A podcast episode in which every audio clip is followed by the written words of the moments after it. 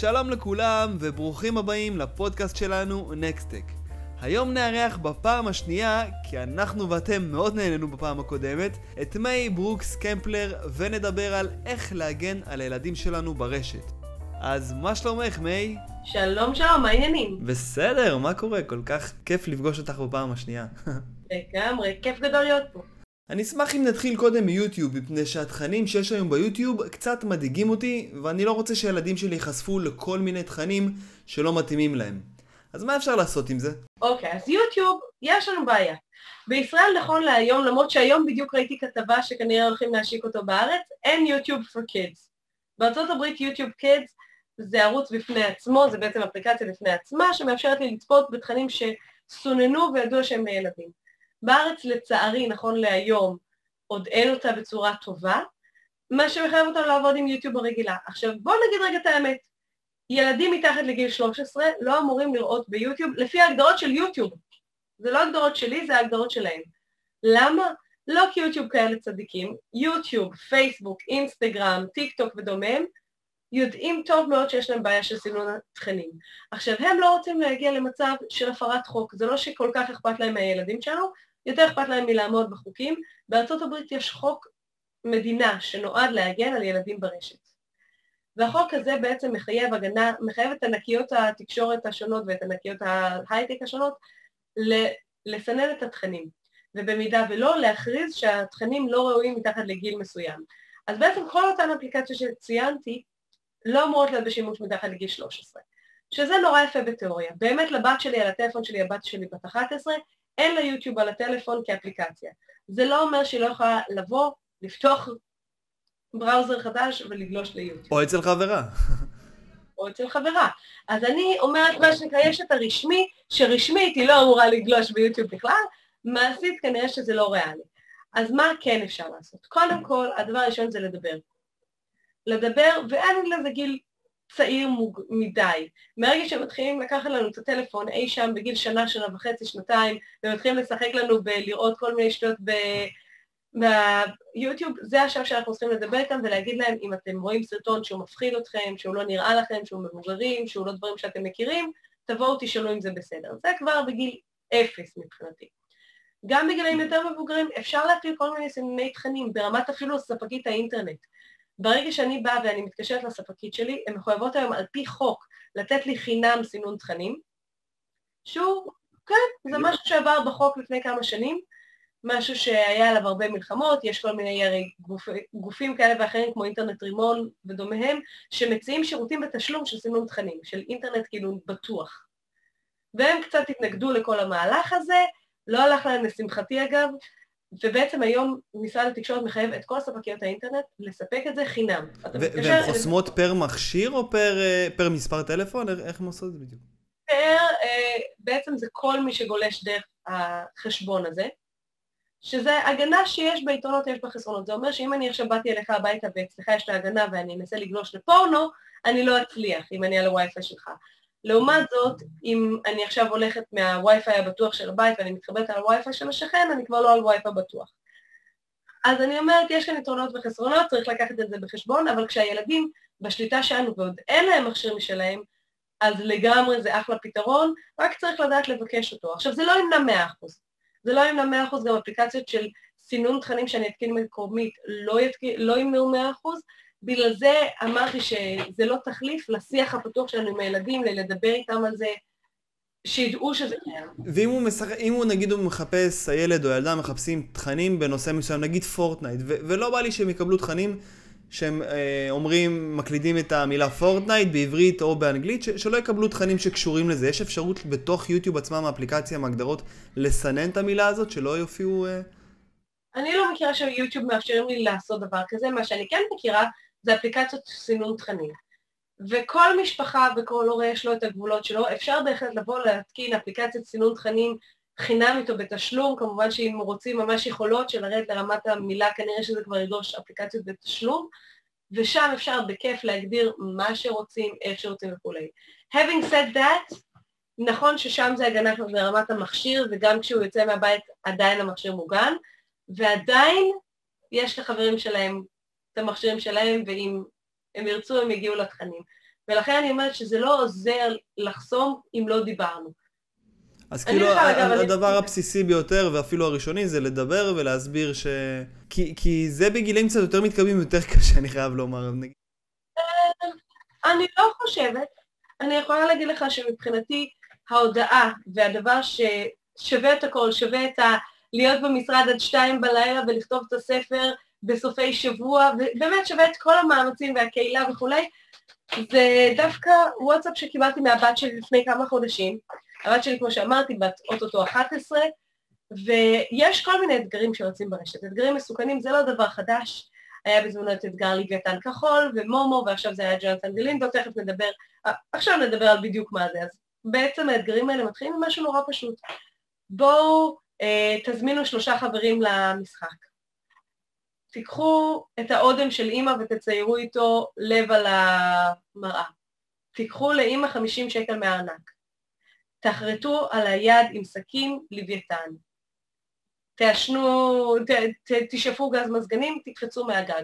מה שנקרא זה אתגרים שכל יום משתמשים באתגר קצת יותר, קצת יותר, קצת יותר אה, משמעותי, עד שמגיעים ממש לאתגרים של פגיעה עצמית. וזה דברים שמוצאים ברשת החופשית והפתוחה, או בדארק כן. ווב וב... לא, לא, לא, זה מגיע בוואטסאפ ובטיק טוק, הגלגול האחרון שלו אגב היה בטיק טוק, לפני זה הוא היה באינסטגרם בגלגולים קודמים, כל פעם זה מגיע תחת איזשהו שם חדש. וכשזה הגיע הפעם במשהו כמו יולי לדעתי, תחת השם ג'ונתן גלינדו, הבת שלי קיבלה על זה התראה בחברת ילדים בעצם במסגרת של הנוער אצלנו ביישוב, היא קיבלה התראה ועשו איתם שיחה על זה וזה, והיא ישר שלחה את זה אליי וכתבה לי, אמא את בטח מכירה את זה, רק רציתי להגיד לך תודה שאת לא מרשה לי. עכשיו זאת ילדה בת 11 שמתעצבנת עליי המון פעמים למה אני לא מרשה לטיקטוק ולמה אני לא מרשה לאינסטגרם ולמה היא צריכה להשתמש באינסטגרם שלי כדי לעקוב אחרי החברות שלה שההורים שלהם כן מאפשרים להם. ואני מבינה מאוד את התסכול שלה, מצד שני, זו הפעם הראשונה שהיא הבינה את הצד שלי, למרות שהיא הבינה אותו כל הזמן, זו הפעם הראשונה שהיא הודתה לי על הצד, כי היא אמרה, זה מפחיד אותי, ראיתי את הדבר הזה וזה מפחיד. ואני מבינה שזה לא לגיל שלי. אז ילדים מבינים הרבה יותר ממה שאנחנו חושבים. אנחנו לא נותנים להם את הקרדיט, אבל הם מבינים הרבה יותר ממה שאנחנו חושבים. אני גם חושב שהכל מתחיל בחינוך נכון, וזה הדבר הכי בסיסי ונכון שיש לעשות, אבל כאילו, ברגע שהחברים מסביב עושים ומושכים את זה, וזה נהיה כמו לחץ חברתי, אז, אז יותר קשה, ו, ו, ובכל זאת אולי יש איזה... את- אנחנו נגלוש לזה, כאילו, יש איזושהי אפליקציה או חינמית או בתשלום שאת ממליצה עליה כדי לחסום תכנים כאלה במכשירים שלהם, או לעקוב אחרי הפעילות שלהם, ו... ו... אז גם הנושא של לעקוב אחרי פעילות זה נושא בעייתי. כי יש גילאים שעוד אפשר לעשות את זה, יש גילאים שזה משבר, שזה יכול להביא למשבר אמון מטורף בין ההורים לילדים, יש לזה המון מחקרים עד כמה זה נכון הפיקוח הצמוד, ואני חושבת שהבעיה זה שכשילד יוצא מהבית והולך לחבר, הדבר הראשון שעושים זה מספרים לילד. ומספרים לילד בין, לא כי הוא, לא כי אני לא סומכת עליו, להפך, כי אני סומכת עליו. זאת אומרת, אני דואגת לך, אז אני שמה את האפליקציה הזאת. האפליקציה הזאת, המטרה שלה היא XYZ, כי אחרת אם ילד מגלה את זה, בעיניי, בדיעבד, שוב, אני לא פסיכולוגית ילדים, אני לא יועצת חינוכית, בעיניי, אם ילד מגלה את זה בדיעבד, זה משבר אמון נורא גדול, אז אני מעדיפה לספר להם. שאני יכולה להגיד שבתי היקרה היא הקורבן הכפוף שלי, והיא כבר צוחקת עליי שאני כל כמה, כל כמה שבועות אני מקבלת מידע על איזה אפליקציית ניטור חדשה, ואני אומרת לה, שירי, תביאי את הטלפון, אני מתקינה לך. מה את רוצה הפעם? מה? מה את רוצה ממני? היה לי אפליקציית ניטור לא מזמן שהתיימרה באמת אה, לתת לי מידע על המצב רוח שלה. אז היא באה ואמרה לי, אמא, אם את צריכה אפליקציה שתגיד לי מה המצב רוח שלך, יש לנו בעיה אחרת. ילדה בת 11. אז גם ילדים מבינים את זה מאוד יפה, ואז ראיתי שהאפליקציה הזאת היא לא ממש, היא, אם אני, אם מישהו שולח לה אה, הודעות פוגעניות, אז זה כן ידווח לי, אבל אם מי שולחת הודעות פוגעניות לחברים שלה, זה לא. אני יודעת כי זה נורא עניין אותי. אז באיזשהו שלב אני לקחתי את הטלפון ושלחתי לי הודעות נאצה מזעזעות, אחר כך מחקתי הכל שזה לא ייתן לה רעיונות, אבל שלחתי הודעות נאצה מחרידות אליי ואל בן זוגי, משהו באמת מזעזע, התנצלתי בפניו אחר כך. ואני הייתי מצפה מאפליקציה כזאת, כאימא הייתי רוצה לדעת אם הבת שלי משתתפת בדבר כזה, אם הבת שלי שותפה לבולינג מכל סוג. לצערי האפליקציה לפחות הזאת לא דיווחה, עליי, לא דיווחה לי על זה. אגב, העליתי את זה מול המפתחים ואמרתי להם, הנה רעיון, תפתחו את זה. יש לכם את היכולת, אז למה לא? עכשיו בעצם אני אגיד ככה, זה מתחלק, עולם ניטור התכנים מתחלק בין החינמיות ללא חינמיות, שתלוי מה אתה רוצה. המון אנשים, הדבר העיקרי שהם רוצים, זה להגביל את שעות השימוש של הילדים. או בכלל להגביל את השעות, או להגביל באפליקציות מסוימות. גם אפליקציות חינמיות, לדוגמה, Screen Time, והכי נפוצה זה Google Family Link, נותנת לי את זה. נותנת לי את זה בצורה יפה, אין צורך בעיניי להשקיע יותר מדי באפליקציות בתשלום בהקשר אם זו, זו המטרה שלי. אלא אם כן אני ממש רוצה לרדת לרזולוציות של כמה זמן הוא באפליקציה הזו, כמה זמן הוא באפליקציה ההיא וכולי, שזה כבר רזולוציות אחרות. זה יותר נוגע לעולמות של התמכרות למסכים, שזה עולם מאוד חשוב. הדבר הבא שאני רוצה להגן על, מבחינתי על הילדים מפניו, זה אפליקציות שהם לא אמורים להוריד. אם זה הגבלת גילאים, כמו באינסטגרם ויוטיוב ודומיהם, שהתחלנו מזה, ואם זה אפליקציות שהם רוצים להוריד עכשיו משחק, והם לא יודעים מה המשחק הזה עושה. אז אחד הדברים שאני רוצה, אני לא רוצה למנוע מהם, אני רוצה לקבל על זה התראה. למה אני רוצה לקבל התראה? כי הרבה פעמים כשאני אקבל התראה על אפליקציה שהילדים רוצים להוריד, אני אבוא ואסתכל, ולפעמים אני גם אגיד להם אני לא מאשרת את זה. ואז אני אסביר למה. ואני חושבת שהלמה הוא נורא חשוב. עכשיו, למה אני פוסלת אפליקציה? אם אפליקציה, לדוגמה, היא אפליקציה של פנס, והיא מבקשת גישה לאנשי הקשר או למיקום, אני מיידית פוסלת אותה, אני לא צריכה. אז כשאני מורידה אפליקציה, כל אפליקציה, אני דבר ראשון מסתכלת איזה הרשאות היא מבקשת, האם היא מבקשת הרשאות שהן הגיוניות בהתחשב במה שהאפליקציה אמורה לעשות, או האם היא מבקשת הרשאות עודפות. אם יש כאן הרשאות עודפות, התשובה היא לא. אני מסתכלת על הדירוג של המשחק, אם זה משחק, האם הוא קיבל איזשהו דירוג של אלימות, או של, אה, או של תכנים בעייתיים, לאיזה גיל הוא מיועד וכולי, כי לפעמים הם ינסו להוריד משחק שמיועד לגיל 16, הם לא יודעים. וזה לא נעשה בזדון, אז שוב, זה הכל עניין של שיח פתוח ואני מסבירה להם את הדברים האלה. ולכן אני אומרת, זה, זה א' ב', קודם כל תסתכלו על התכנים שהם צורכים. גם זה אפשר בכיף לעשות באפליקציות החינמיות, שוב, אני נותנת את גוגל פאמילי לינק כדוגמה מעולה לדברים האלה. ברגע שאני רוצה לעשות דברים קצת יותר מתוחכמים, לדעת עם מי הוא יתכתב, מתי הוא יתכתב וכולי, אז אני עוברת לעולם של האפליקציות בתשלום. לי אישית, אני מודה, יש בעיה עם זה. אני חושבת שיש כאן איזשהו משבר אמון שאני מעדיפה לשאול את הילדים שלי עם מי הייתם היום באפליקציה, מאשר לחכות שאפליקציה אחרת תדווח לי על זה. ילדים יודעים לעקוף את האפליקציות האלה מאוד בקלות, אז אני לא, שוב, אני לא רואה את ה-edit value. בסוף זה תלוי. אם היה חלילה מקרה עבר של התמכרויות, אם היה מקרים של שקרים, אם היה מקרים של פגיעה באמון מכל סיבה שהיא, אז בהחלט אפליקציות ניטור זה מעולה. אני עושה מדי פעם כל מיני השוואות כאלה גם באפליקציה, גם באתר שלי, גם ב... כבר מופיע, גם בקהילה של Think Safe Cyber, כמובן בספר יש ממש השוואה של אפליקציות שונות ומה כל אחת נותנת. אז בסוף זה מאוד מאוד תלוי מה רוצים, זה גם משתנה כל הזמן. יש אפליקציות שהיו בעבר נפלאות והיום אני לא, לא ממליצה עליהן בכלל, ולהפך. היום אני חושבת שאין הורה שלא צריך לפחות להתקין Google Family Link. זה נותן את ה basic, זה נותן גם דברים אגב נורא נוחים. where's my phone, איפה הטלפון, אני אגב משתמשת בזה גם לעצמי, כי אני תמיד לא מוצאת את הטלפון שלי. זה, אז זה אחלה דבר, זה נותן לי איפה הילד נמצא מבחינת מיקום, אם עכשיו הבת שלי לא עונה לי, אז אני יכולה לדעת איפה היא, אני יכולה להפעיל לה מרחוק את הצלצול, ואז אני יודעת. והן פועלות רק על אינטרנט סלולרי או וי-פיי, או שגם GPS, נגיד אינטרנט כבוי, אפשר לראות עדיין? אני יכולה, הוא יודע GPS עד כמה שזכור לי, ואז הוא יודע לפחות איפה המכשיר נמצא. אז יש כאן... כן, כן, אז מהבחינה הזאת זה אחלה אפליקציה, שוב, היא נותנת לי גם את הנושא של ניטור אה, שעות שימוש, וגם את הנושא של אה, של ניטור אפליקציות. מבחינתי זה, זה השלושה דברים שאישית לי הכי מפריעים. כל הנושא של תוכן לא הולם וכולי, זה בעיקר עניין של, של uh, שיחות. טיפ שנורא חשוב לי לתת. ב- לצערי הרב, גם אם אני לא נותנת לילדים שלי להיות באינסטגרם ובטיק טוק וכולי, כנראה שבוואטסאפ אני נותנת להם. לצערי יש תופעה שהולכת וגוברת של כל מיני מטרידדים דוחים ומגעילים שבאים ושולחים תמונות עירום ותמונות אלימות ותמונות מזעזעות כאלה ואחרות, סתם למספרים בצורה רנדומלית. כן. זה לצערי הולך וגובר, שמעתי על זה כבר כמה פעמים. מה שאני המלצתי לאנשים לעשות, זה אפשר להגדיר בוואטסאפ האם יורדות תמונות בצורה אוטומטית או רק בלחיצה. אז אני לדוגמה שיניתי אצל הבת שלי שזה רע בלחיצה. למה? אם היא רואה הודעה ממספר שהיא לא מכירה, היא פשוט לא לוחצת. היא שולחת את זה אליי, או קוראת לי, ואני מסתכלת, היום זה פריבילגיה, ימי קורונה, רוב הזמן אנחנו באותו בית או מאוד קרובות, אז היא באה ומראה לי, לשמחתי היא עוד לא נתקלה בהודעות כאלה, אבל חברה שלה כן. אה, בנוגע לטיק טוק, שזו Mm. אפליקציה שהיא מאוד פופולרית עכשיו, ואני רואה ממש ילדים בגיל מאוד צעיר, אפילו מגיל 10, 11, שרואים סרטונים, אה, גם סרטונים של ריקודיים וכאלה, אבל גם מדי פעם, את יודעת, מתפלק איזשהו סרטון ממש עם תוכן אה, פוגעני. מה אפשר לעשות שם? שם יש, אני יודע שיש שם איזושהי, איזשהו סינון תכנים, השאלה אם באמת... כמה שאני בדקתי את האפליקציה, ואני בדקתי, הייתה מותקנת גם אצלי, אני לא מצאתי דרך לעשות שם סינון תכנים טוב.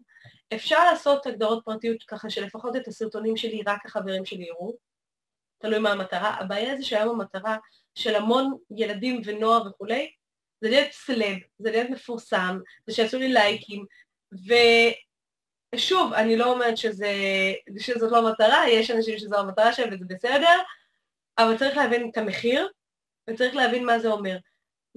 לדעתי דיברנו על זה, או שלא דיברנו על, או שאולי אני דיברתי על זה במקום אחר, אני כבר לא זוכרת, על הדילמה שהייתה לי עם אינסטגרם, עם האינסטגרם האישי שלי, האם להפוך אותו לפומבי או לא. דיברנו על זה? לא דיברנו על זה, לא.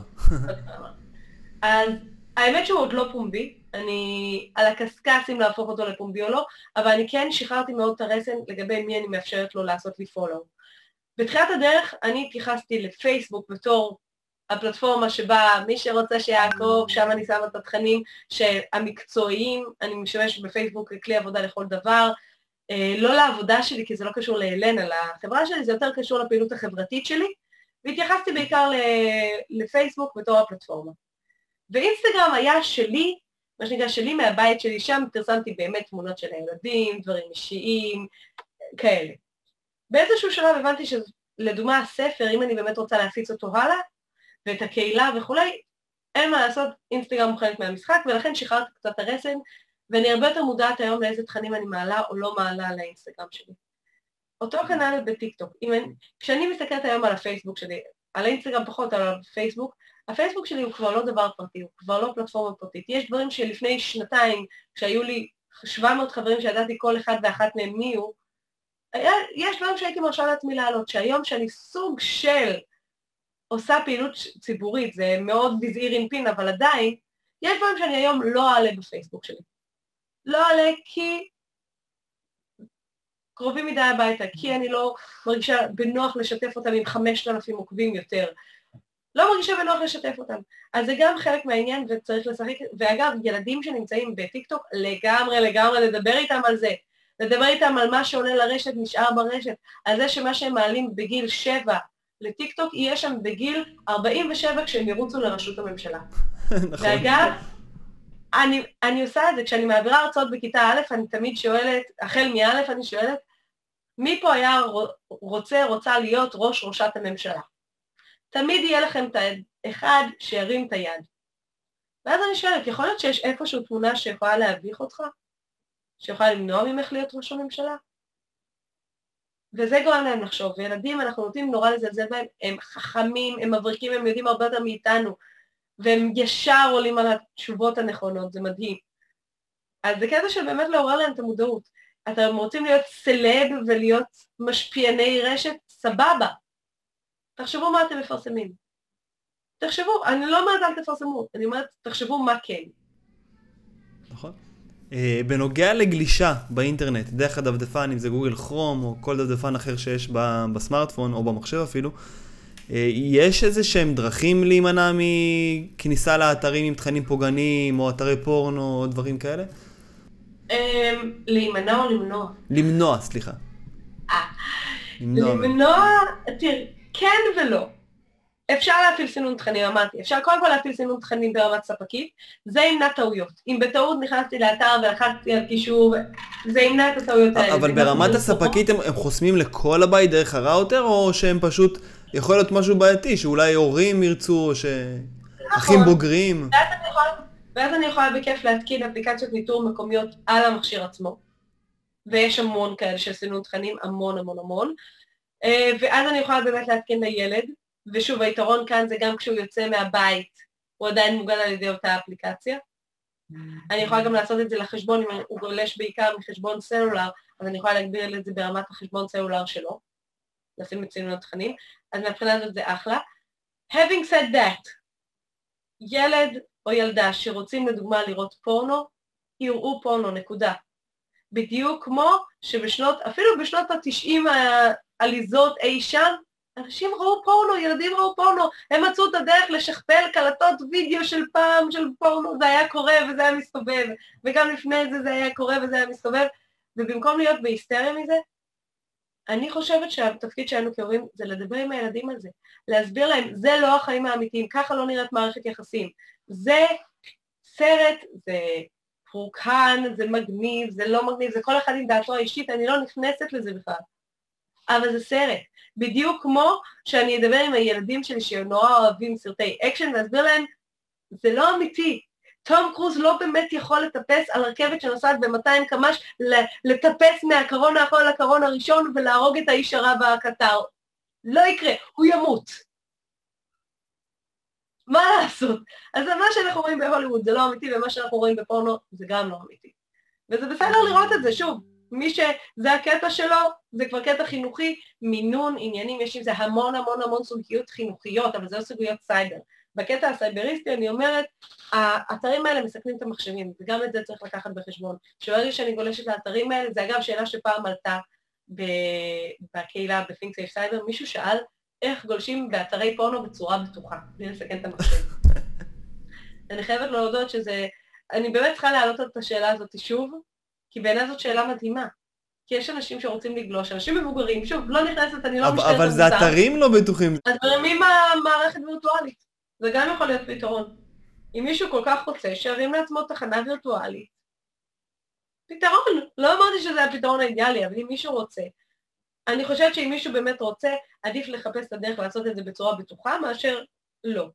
זה אותו דיון שיש הימורים, וזה כבר ממש ממש רחוק מעולמנו. האם עדיף לאפשר לילדים לקבל גלולות סלש קונדומים ולעשות את זה בבית, או עדיף, לאפשר, או עדיף שהם יברחו ויעשו את זה בסלון? זו תפיסה הורית. אגב, אני לא אומרת שזה נכון או שזה נכון, אני אומרת, זה, זה הדיון החדש, אנחנו בעולם חדש, אנחנו צריכים לדבר, זה קורה בגילאים הרבה יותר מוקדמים ממה שאנחנו חושבים.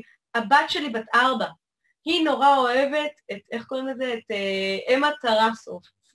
כזה סדרת יוטיוב של משפחת טרסוב, הם עושים כל מיני סרטונים. היא התחילה בשבועות האחרונים לשגע אותי כי היא רוצה להקליט סרטונים.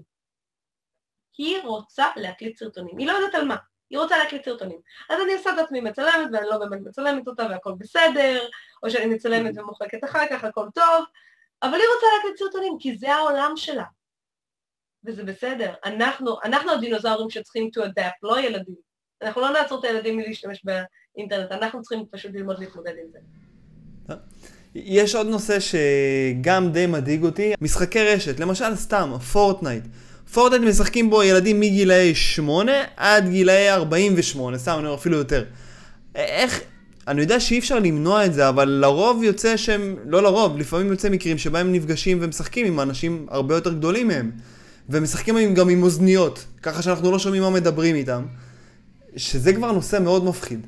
אני לא יודע אם יש לך את הפתרון לזה, אבל אותי זה מאוד מדאיג. אה, תראה, זה גם הנושא של בקרות גישה, זה גם הנושא של לבוא ולהיות לידם. זה האם זה בסדר או לא בסדר שהמחשב נמצא בחדר הפרטי או בסלון. זה גם נושא. זה המון הנושא של שיחות, שזה שמישהו אומר לי שהוא בן 20 וגר לידי, לא אומר שהוא בן 20 וגר לידי, אולי הוא בן 40 וגר באילת וכולי, וזה, אגב, זה בכלל משהו שצריך המון לדבר עם ילדים. המון המון המון המון. על הקטע שאנשים ברשת הם לאו דווקא מי שהם טוענים. אני יכולה מחר בבוקר לפתוח פרופיל, לקרוא לעצמי נועה קירל, זה לא הופך אותי לנועה קירל. אני יכולה מחר בבוקר, אם אני רוצה עכשיו לבנות פרופיל מזויף של נערה בת 16, וזה, אז זה נורא קל, יש לי המון תמונות שלי מגיל 16, אני אפילו לא צריכה לעבוד קשה ולחפש תמונות מזויפות. אני אקח תמונות שלי מגיל 16, אפתח לעצמי פרופיל, יש לי כמה תמונות כאלה שרק בא לי, אני אעבור ואעלה אותם ויהיה לי פרופיל פיקטיבי, זה לא הופך אותי לבת 16. על אף שהייתי נורא רוצה אולי, לא האמת שלא, אבל, אבל זה לא יחזיר אותי לגיל 16, וזה העניין. זה העניין, זה צריך להפעיל את השיקול דעת, וזה המון שיח עם הילדים, גם במשחקים, גם בכלל. במשחקים זה אפילו יותר מועצם, כי יש להם איזשהו תחום עניין משותף עכשיו, וזה יכול ממש לייצר חברויות אמיתיות, כנות, או שלא כנות, תלוי בסיפור. הכלל שלי זה לא מוצאים, מה שנקרא מערכת יחסים שהיא ברשת, היא ברשת, היא לא יוצאת החוצה, בטח לא בלי פיקוח. בטח לא בלי פיקוח, היה לצערי גם אפילו מקרה, לא יודעת אם אתה זוכר, את הנער אופיר רחום, זיכרונו לברכה, שנרצח על ידי מחבלת שהתכתבה איתו במשך תקופה ברשת. היא פיתתה אותו להיפגש ורצחה אותו. זה אומנם מקרה מאוד קיצוני, אבל מקרים של פגישות שנגמרו באלימות כזו או אחרת, לצערי קורים הרבה. אז היה ומישהו, אני לא אגיד, אל תיפגשו עם אנשים שפגשתם באינטרנט.